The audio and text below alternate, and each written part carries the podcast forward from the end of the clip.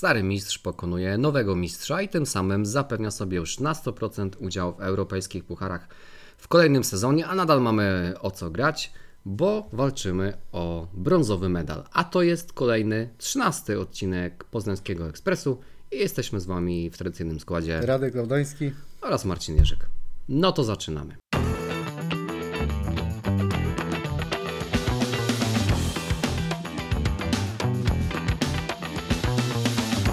Dobry wieczór, dzień dobry. E, No i po raz kolejny to jest bardzo dobry wieczór i bardzo dzień dobry.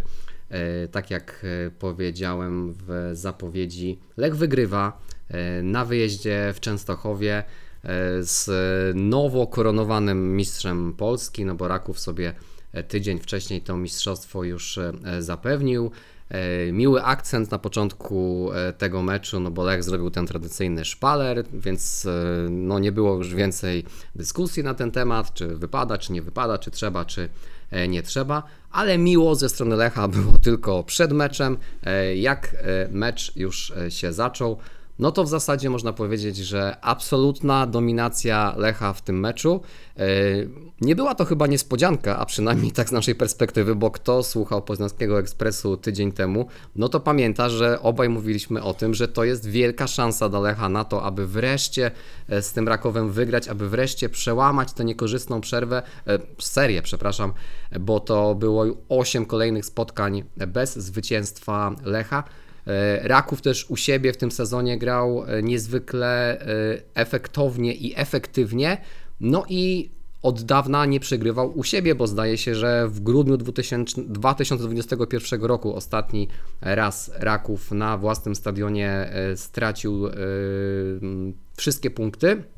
No i jak sobie spojrzeliśmy na skład e, przed tym meczem, a już wiedzieliśmy e, dzień wcześniej, że do Częstochowy nie wybrali się Afonso Souza, Antonio Milic, Filip Dagestol, no to można było się lekko zaniepokoić. Co prawda na konferencji prasowej trener Vandenbrom mówił, że on liczy na to, że wszyscy piłkarze Rakowa będą jeszcze nieco pijani po świętowaniu, no ale to oczywiście e, pół żartem, e, pół serio. Wiadomo, że nawet jeżeli jakieś procenty tam się pojawiły na świętowaniu, no to e, tego czasu na to, aby dojść do siebie było, no ale jednak To nie wystarczyło, aby sobie tego wieczoru z Lechem e, poradzić. Lech taktycznie był e, zdecydowanie lepszy, Lech świetnie grał e, w pressingu. Lech też dużo lepiej sobie radził, jeśli, jeśli chodzi o konstruowanie akcji. Był na pewno lepszy e, właśnie w, tej, w tym aspekcie e, piłkarskim. No i tak naprawdę to przewyższał Raków chyba w każdym elemencie gry, przynajmniej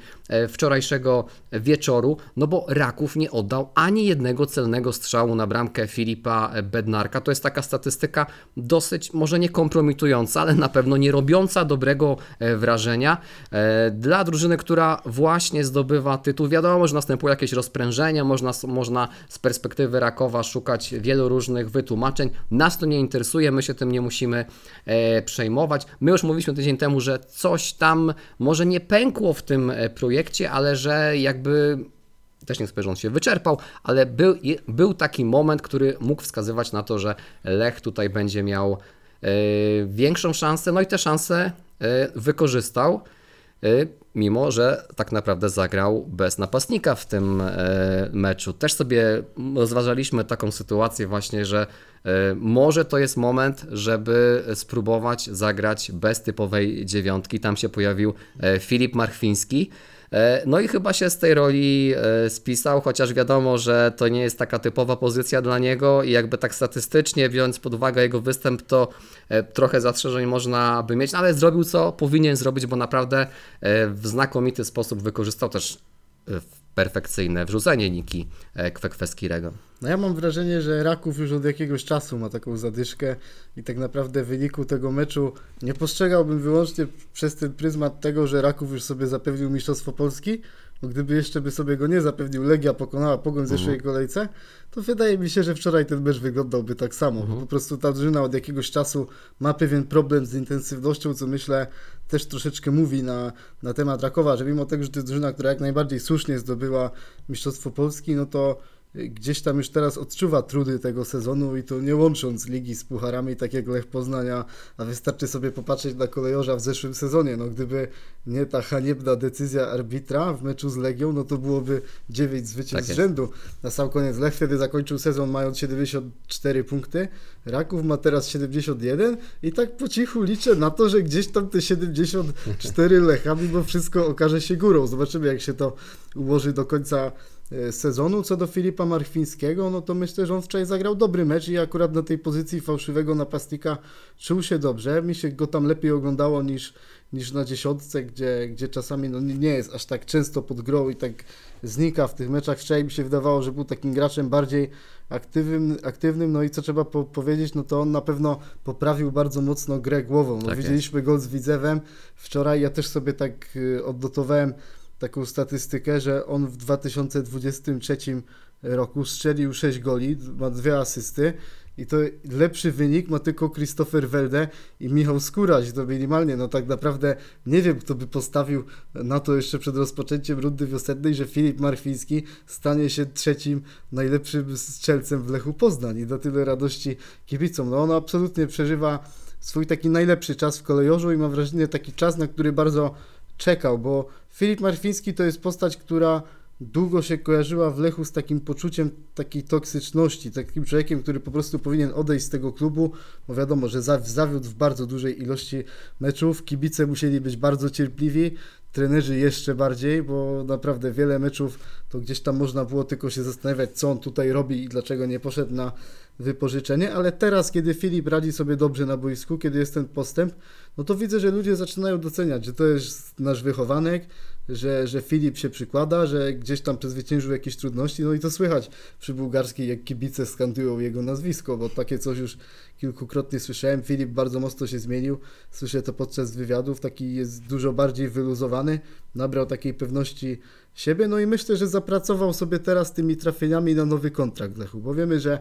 umowa jeszcze trwa przez rok i szczerze powiedziawszy Lech mógłby go teraz sprzedać latem, ale pojawia mi się taka lampka, że on przyszły sezon może mieć rzeczywiście dobry, warto tę umowę przedłużyć, no i może idąc właśnie tym tropem, że Lech lubi sprzedawać wychowanków za duże pieniądze, no to może na tym Wonderkidzie, na tym, na którego najbardziej czekano, też uda się w przyszłości zarobić jakieś pieniądze, więc na pewno Marchewa jest wielkim wygranym tego meczu z Rakowem Częstochowa i naprawdę czapki z głów za to uderzenie głową, bo naprawdę często wcześniej nie widzieliśmy takich, uderzeń w jego wykonaniu. Tak, no wspomniałeś, że on jest wygranym tego meczu. On zresztą zgodnie z tym, co, co powiedziałeś przed chwilą, on jest też e, jednym z największych wygranych e, tego sezonu. Tak można już troszeczkę e, wyprzedzając pewne, pewne fakty, ale no, oceniając już z perspektywy ten sezon 22-23, długo musieliśmy my czekać jako kibice, ale też długo musiał czekać trener Van den Brom, żeby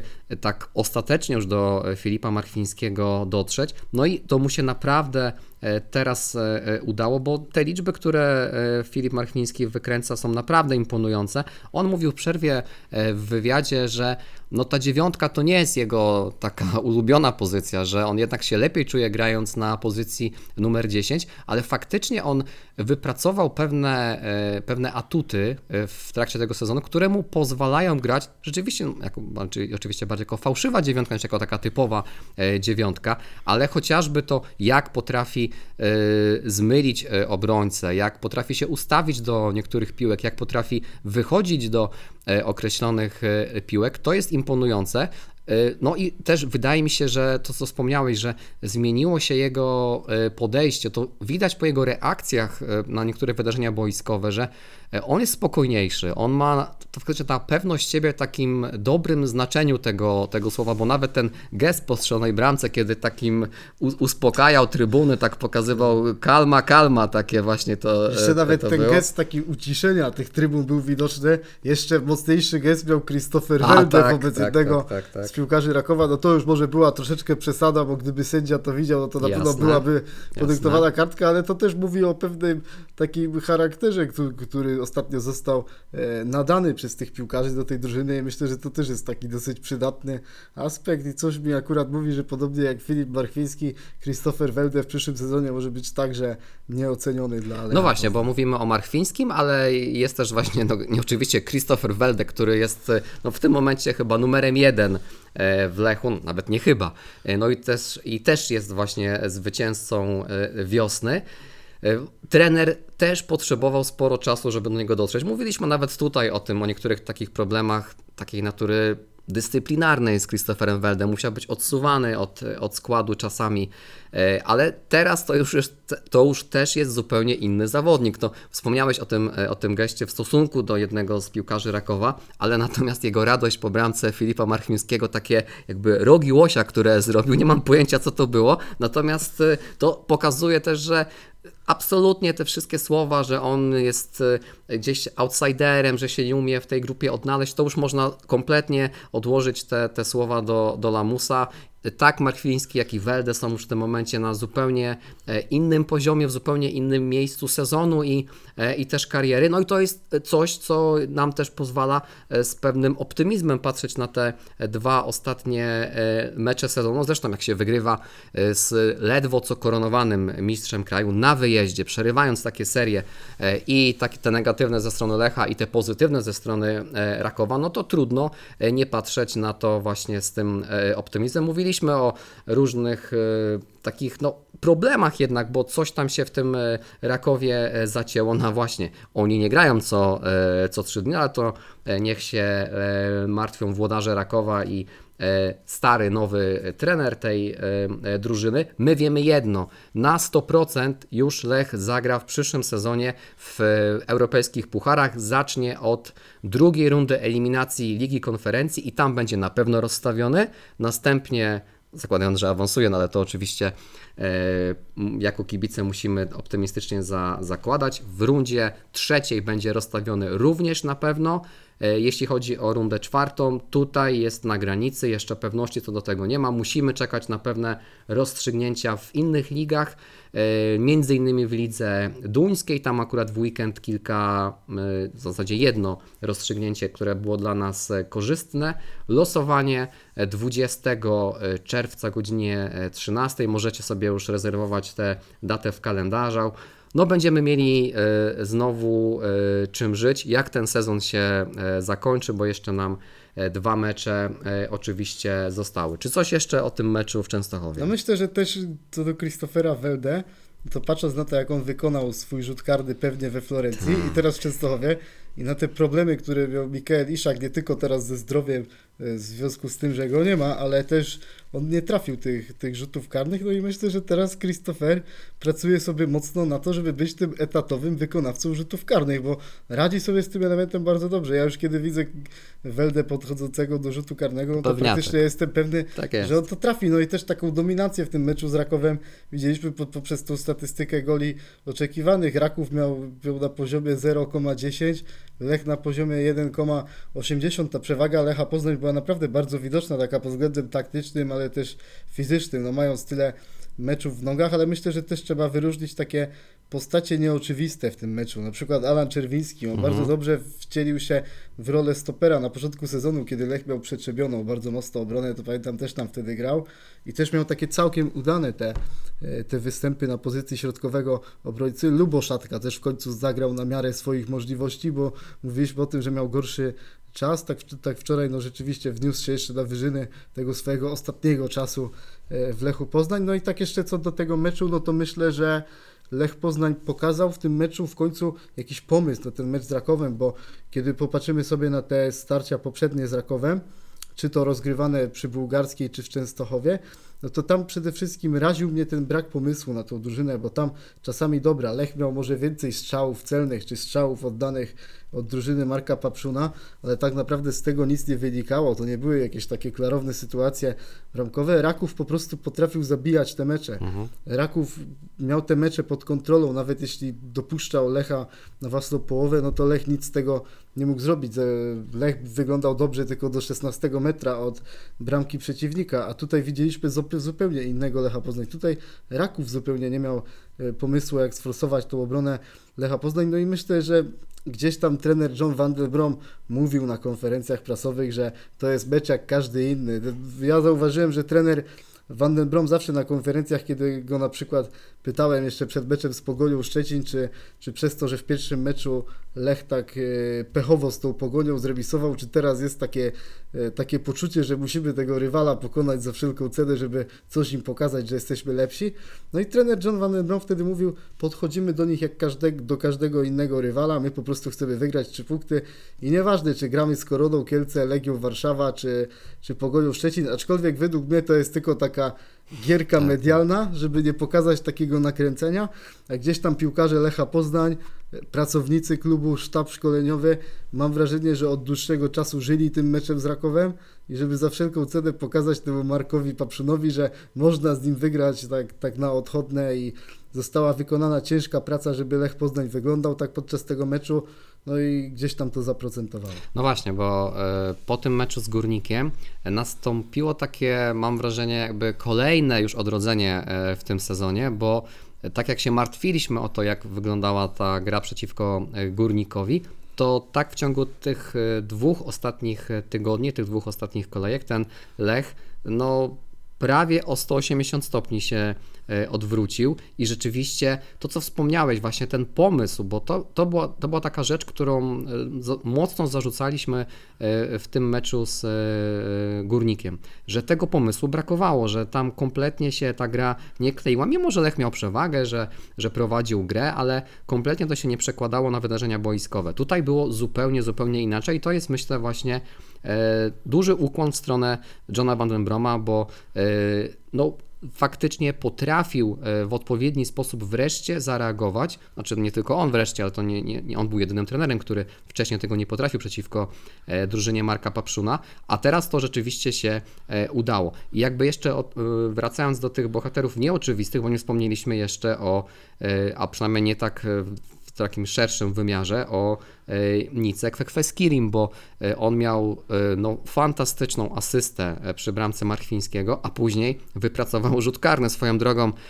To, że Daniel Stefański stojąc, no nie wiem, metr od całej akcji, najpierw gwizdże no, przewinienie, czy, czy uznaje, że Nika Kwekweskiri wymusza rzut karny, daje mu e, żółtą kartkę i dopiero po dokładnej analizie VAR ta decyzja zostaje zmieniona. No, jest delikatnie rzecz ujmując kompromitacją nie pierwszą Daniela Stefańskiego. Na szczęście nie wpłynęło to w żaden sposób na wynik tego spotkania, ale Nika Kwekweskiri grając e, tym razem e, nieco bardziej e, z przodu, nie grając obok Jespera Karsztrema i nie mając obok siebie również Afonso Souzy, był mocno pod grą i myślę, że tutaj także należy to zauważyć, że no to jest zawodnik, który oczywiście ma czasami takie momenty, w których jakby mu prąd odcinało i zdarzają mu się jakieś błędy, szczególnie w, e, jeśli chodzi o stratę piłki, jakieś takie błędy techniczne, natomiast on ma naprawdę bardzo duży e, przegląd e, sytuacji i dużo potrafi wykreować i w tym meczu to zdecydowanie się przydało, bo był zawodnikiem aktywnym i był zawodnikiem, z którego mieliśmy bardzo dużo wczorajszego wieczoru pociechy. No wczoraj Kwekwe sprawił, że my tak naprawdę nie odczuliśmy braku tego zawodnika pozycji numer 10, bo ja się bałem, że jeśli zabraknie Afonso Souzy, no to ten Lech będzie usposobiony zbyt defensywnie, że Marfiński tego nie udźwignie na, e, na dziewiątce, że nie będzie tej takiej nominalnej e, dziesiątki, ale Lech już tak kilkukrotnie grał jak wczoraj, tyle, że wtedy był na boisku Mikael e, Iszak, ale parę razy już było ustawienie bez dziesiątki grane. Z Villarrealem, na przykład Tak. w Lidze Konferencji Europy. I wtedy ten środek pola zagęszczony też wyglądał bardzo dobrze. I to ustawienie lubił Nika Kwekweskiri, bo y, on grając właśnie w tym schemacie nie musi aż tak mocno przejmować się tymi zadaniami defensywnymi, a wiemy kiedy Kwekweskiriego e, próbuje się ustawić jako taką klasyczną szóstkę, żeby on asekurował tą linię obrony, no to on często popełnia wtedy jakiś błąd, zachowuje się nieodpowiedzialnie to są te momenty, kiedy Kwekwe jest w Lechu krytykowany, a jeśli ma za sobą Jespera Kasztrema, ma jeszcze Radka Murawskiego, czyli asekurację dwójki piłkarzy, no to on w pełni może uwidocznić ten swój potencjał e, ofensywny, no i myślę, że to, że to też jest taki pewien koncept, który może Lech Poznań częściej stosować e, w lidze, że kiedy na przykład, nie wiem, John van den Brom widzi, że e, gracze, którzy występują na pozycji numer 10 nie są w najwyższej formie albo nie są do końca gotowi do gry, no to można próbować tego wariantu właśnie z tym zagęszczonym środkiem pola, bo teraz z Rakowem widzieliśmy, że to kolejny raz funkcjonowało bardzo dobrze, no i myślę, że to jest taka nowa broń taktyczna, która kolejny raz uwidoczniła się teraz w kolejorzu. E, No tak, to masz absolutnie rację. Wspomniałeś się też e, o Mikaelu Isaku. E, Jest pewna informacja z nim związana, której nie chcieliśmy poruszać wcześniej, bo e, pojawiała się tylko jako no, swego rodzaju plotka na, na Twitterze, chociaż z bardzo Chociaż wiarygodnego źródła. w te Tak, źródła. tak, tak, źródło wiarygodne, ale, ale no nie chcieliśmy e, tego tematu poruszać, póki właśnie e, przewijała się tylko jako taka e, informacja e, tylko i wyłącznie z Twittera. E, Dzisiaj napisał już e, o tym na Twitterze właśnie dziennikarz e, kanału e, Plus e, Adam Zakrzewski, e, że te plotki, kt- które twierdziły, że Mikael Isak e, choruje na boreliozę, niestety są prawdziwe. No i to jest bardzo zła informacja, oczywiście mm, nie tylko dla Lecha, ale przede wszystkim dla e, Mikaela Isaka, bo to jest e, bardzo poważna choroba, która atakuje no bardzo znaczne obszary organizmu, bo stawy, mięśnie, mięśnie, mięsień sercowy, układ nerwowy, skórę, także no jest oczywiście chorobą e, uleczalną, natomiast e, wszystko zależy od tego, no, na ile doszło do uszkodzenia e, narządów, bo ich wówczas po prostu nie da się w taki prosty sposób, jeśli w ogóle, e, naprawić. Leczenie takie podstawowe trwa około e, 3 tygodni, natomiast właśnie kwestia tego, bo też pojawiają się informacje, że Mikael Isak z tą boreliozą zmagał się już od dłuższego czasu, tylko po prostu żadne wcześniej wyniki krwi tego, e, tej informacji e, nie potwierdzały i dopiero to wycieńczenie organizmu e, tym bardzo męczącym sezonem dało jakiś e, tutaj e, czynnik, który nakazał e, sztabu, sztabowi medycznemu sprawdzenie jego organizmu od tej strony. Więc oczywiście wiemy, że Szweda nie zobaczymy w tym sezonie na boisku, ale do tego się już przyzwyczailiśmy. W tym momencie należy się zastanowić, kiedy on będzie dostępny w ogóle dla Lecha. No, może wybiegam za daleko, ale jednak jeśli w ogóle, bo wiemy, że dla e, takiego zwykłego człowieka borelioza jest e, niesamowicie wyniszczająca, e, to tym bardziej dla sportowca zawodowego. Z boreliozą zmagali się chociażby z takich właśnie piłkarzy. Konrad Gołoś, sędzia Tomasz Musiał również chorował na, na boreliozę. On wrócił do zawodu, ale w tym momencie jest e, tylko sędzią e, technicznym, także e, ta wydolność organizmu również w bardzo mocny sposób spadła. Trzymamy kciuki za naszego kapitana, życzymy mu jak najszybszego powrotu do zdrowia i trzymamy kciuki również za jego rodzinę oczywiście w tej sytuacji. Natomiast dla Lecha to jest bardzo kolejny bardzo poważny problem, bo tak naprawdę my potrzebujemy teraz e, napastnika numer jeden na, na kolejny sezon, nie tylko uzupełnienia składu i zmiennika dla e, Isaka, tylko po prostu zawodnika numer jeden, może Christian Gytkier. No myślę, że Lech Poznań stał się takim miejscem, gdzie kibice już mogli nieco przywyknąć do takich różnych nieciekawych sytuacji, które spływają nagle na ten klub. No, dopiero co zdobyte Mistrzostwo Polski, odchodzi trener Skorża, jest wielki szok. Potem się cieszymy, że Bartosz Salamon wraca do wielkiej formy, mecze, e, mecze w Europie, piękny, piękny ten dwumecz z Djurgardem, nagle jest ta wpadka dopingowa. Teraz y, była ta radość z podpisania kontraktu z Mikaelem Iszakiem, co się wydawało takim wydarzeniem epokowym, no bo wiemy ile Mikael dał Lechowi i jak miał bardzo lukratywne propozycje finansowe, a tutaj widzimy ciężka choroba, borelioza i możemy tak naprawdę niepokoić się tym, czy Mikael będzie dostępny do gry od początku przyszłego sezonu, bo to, że w tym sezonie nie zagra, to jestem praktycznie o tym przekonany. No co, co do nas potencjalnego następcy Mikaela Iszaka, no to myślę, że wszyscy w klubie mm, jak jeden mąż wiedzą, że wierzą w to, że, że Mikael Iszak wróci do gry. Teraz trzeba mu dać przede wszystkim czas, żeby on doszedł do zdrowia, żeby nie wywierać na nim jakiejś presji. Wiemy, że w Lechu on to na pewno dostanie. Pytanie, co teraz y, właściciele klubu będą myśleli na temat pozycji numer 9. Być może gdzieś tam Filip Szymczak będzie jego jeszcze Mhm. y, pozycja wzrastała. On też jeszcze musi całkiem wyleczyć kontuzję, ale z tego co tam wiem, to to wszystko jest na, na dobrych torach. No i Filip na pewno od nowego sezonu będzie, będzie do gry. Co do Krystiana Gytkiera, ja byłbym szczerze mówiąc sceptycznie nastawiony. Może teraz podpadnę jakieś tam części kibiców Lecha, ale nie chciałbym jego powrotu jako takiego napastnika numer jeden w kolejorzu, bo, bo mam wrażenie, że, że dobra, na przykład dał Moncy teraz awans do, e, do Serie A, w barażach wyglądał bardzo dobrze, no ale też jak sobie oglądam Gytkiera we Włoszech, no to też jest wiele takich meczów, gdzie, gdzie on znika po prostu, nie ma go w grze. Wielokrotnie widzieliśmy też taki obrazek w Lechu Poznań, to jest bardziej napastnik momentów, żeby strzelić bramkę, zachować się dobrze w polu karnym przeciwnika, ale poza tym to nie daje dużo, jeśli chodzi o taką pracę zespołową, myślę, że w futbolu preferowanym przez Johna Van Den Broma w grze wysokim pressingiem, taki pracujący napastnik jak Mikael Iszak czy, czy Filip Szymczak, radzący sobie dobrze w rozegraniu, to jest mimo wszystko podstawa. No być może to oczywiście to, że rzuciłem jego nazwisko nie oznacza, że jakiekolwiek rozmowy, przynajmniej takie, których wiemy e, z Duńczykiem się e, toczą. Luźna gadka. Luźna na ten gadka, dokładnie. Natomiast no, e, ja akurat Krystiana darzę wielkim, wielkim sentymentem. Oczywiście masz absolutnie rację co do tych jego przymiotów typowo piłkarskich.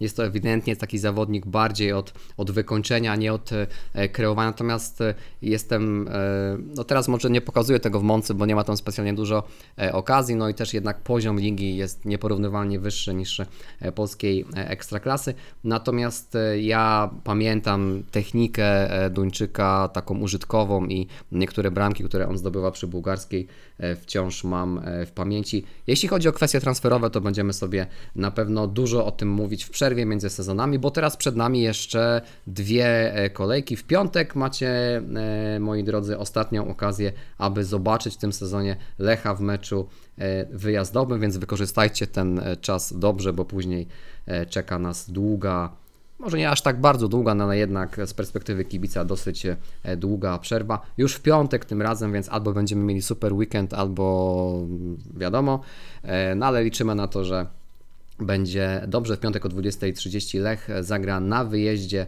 e, z Koroną Kielce. Koroną Kielce, która walczy o utrzymanie. Oba zespoły w związku z tym mają swoje cele, mają o co grać. Lech w związku ze zwycięstwem e, w Częstochowie ma wciąż szansę na to, aby przegonić szczecińską pogoń i zdobyć brązowy medal. Korona walczy o utrzymanie. E, Trzy punkty przewagi tylko nad e, Śląskiem Wrocław.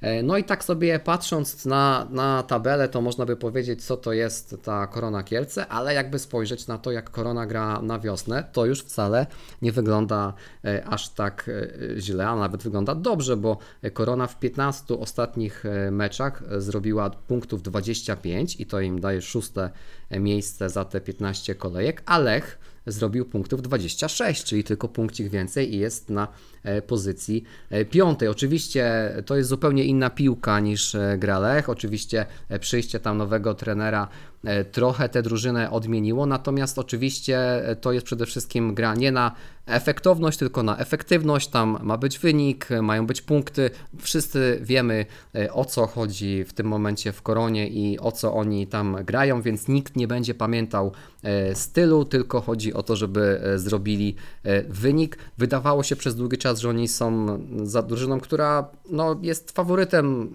tak w cudzysłowie, do tego, aby się z Ekstraklasą pożegnać. Kamil Kuzera e, drużynę e, odmienił, no i tak faktycznie ta efektywność się tam pojawiła.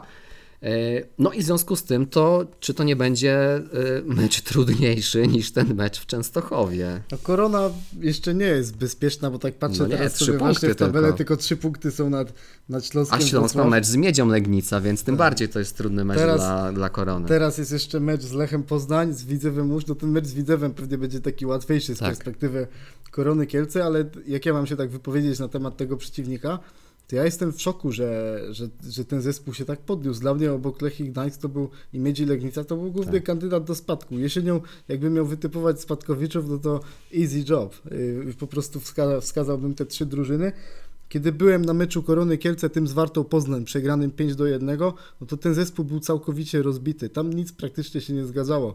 A trener Kuzera był wtedy tak zrezygnowany, tak widać było, tak był załamany tym wynikiem, że ja byłem przekonany, że po prostu ta misja nie ma racji bytu, korona się po, posypie całkowicie, trener za chwilę zostanie zwolniony, no i gdzieś tam e, Beniaminek poleci z hukiem z ekstraklasy, a tu widzimy całkiem przyzwoita seria złapana w tych ostatnich 15 meczach, tylko jeden punkt mniej od Lecha Poznań, no i ostatnio ta korona jest takim symbolem determinacji, takiej odpowiedzialnej gry e, w defensywie i też często niesie ten domowy stadion, więc możemy się w tym meczu e, z Lechem też spodziewać takiej dosyć e, ognistej atmosfery.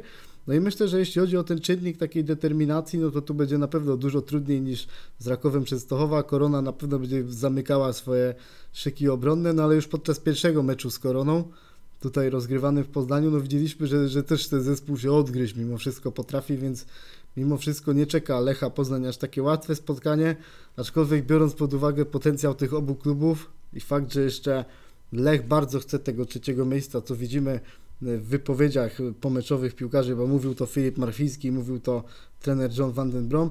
Myślę, że drużyna do końca wierzy w to trzecie miejsce, że musimy po prostu wygrać te dwa mecze i zobaczyć, co się wtedy wydarzy, więc mimo tych wszystkich aspektów, o których mówiliśmy, Lech Poznań jest potężnym faworytem tego meczu.